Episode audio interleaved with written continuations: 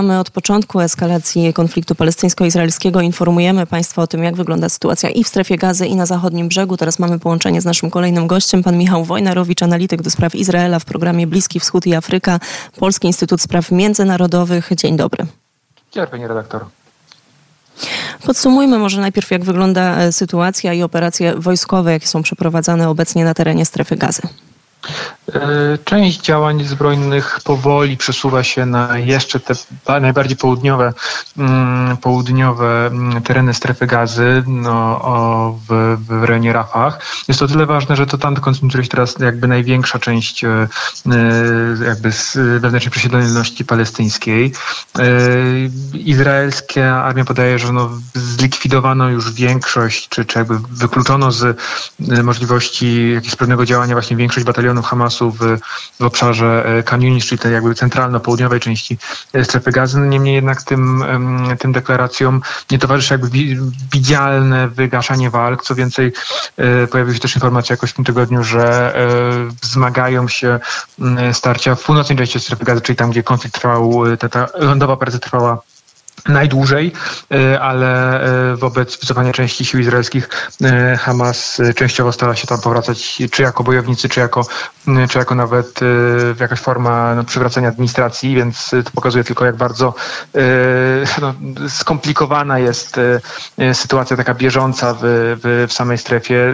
Liczba ofiar tych, tych cywilnych i, i, i tych po stronie Hamasu no, ma sięgać już nie 300 tysięcy, także póki co też brak e, przesłanek, że jakoś zbliżamy się do zawieszenia broni e, związanego z jakby negocjacjami dotyczącymi wymian zakładników, no ale jakby e, te, te elementy jakby są mocno zawsze zależne od, od no bardzo, bardzo wielu, wielu czynników jeżeli nie zbliżamy się do zawieszenia broni, jeżeli wiemy o tym, że sytuacja humanitarna jest e, tragiczna i tak naprawdę pogarsza się z dnia na dzień, mówiliśmy między innymi też o zalewaniu e, tunelów e, Hamasu. Pojawiła się w mediach informacja o tym, że ta administracja Hamasu też się odradza, czyli tam, gdzie wycofują się wojska izraelskie, tam zaraz znów pojawiają się bojownicy. No to pozostaje pytanie, co dalej i czy możemy jakoś zweryfikować już cele polityczne Benjamina Netanyahu, no i to pytanie o przyszłość mieszkańców strefy gazy.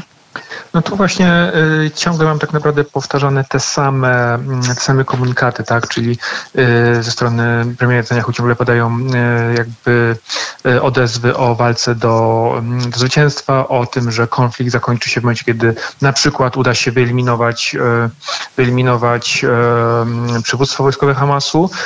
No i gdzieś w tym też pojawia się ten właśnie kontekst, kontekst zakładników.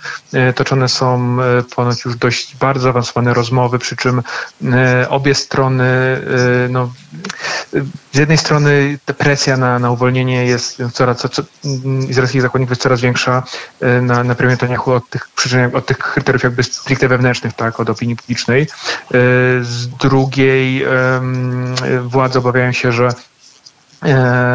że tak naprawdę e, no, cen, cena tak, do, do, do, do, do zapłacenia byłaby z ich perspektywy, przynajmniej z perspektywy premiera Netanyahu, zbyt wysoka, tak, jeśli chodziłoby o e, uwolnienie palestyńskich, palestyńskich więźniów.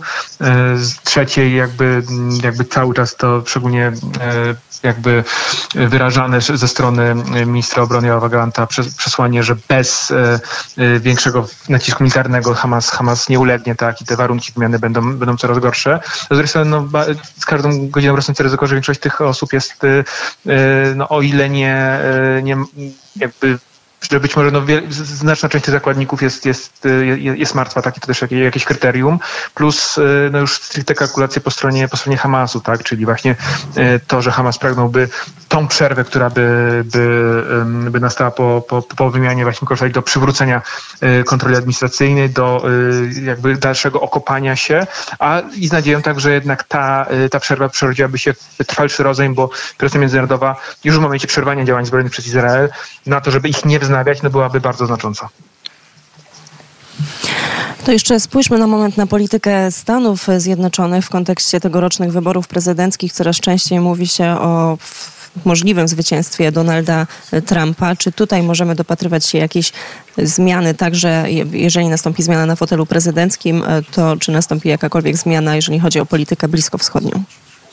No, z pewnością Donald Trump będzie miał mniej oporów, mniej warunkował swoją politykę jeśli chodzi o stricte państwa arabskie, tak, to będzie na pewno dużo bliższa współpraca niż, niż przy administracji Bidena, która musiała jakby trochę wygrzebać się ze swoich bardzo ostrych deklaracji, chociażby wobec, e, wobec Arabii Saudyjskiej w momencie, kiedy, e, kiedy jednak no, potrzeba współpracy bardzo wzrosła, tak, po, po inwazji Rosji na, na Ukrainę, tak, czy teraz w kontekście współpracy wokół konfliktu izraelsko-palestyńskiego, no Trump będzie mieć tutaj mniej, mniej jakby obciążeń, tak, bo on jakby od, od początku jakby bardzo bardzo szedł w dużej mierze na, e, na, na, na rękę państwom arabskim. No jest to oczywiście kontekst Iranu, tak? Trump, e, o ile no, wykonał wiele, e, wiele działań no, bardzo, bardzo wrogich Iranowi, no to jednak na pewną konfrontację się też nie zdecydował, tak? Jakby jedną rzeczą jest retoryka, drugą są faktycznie konkretne, konkretne decyzje. Jeśli chodzi o sam Izrael, no też z jednej strony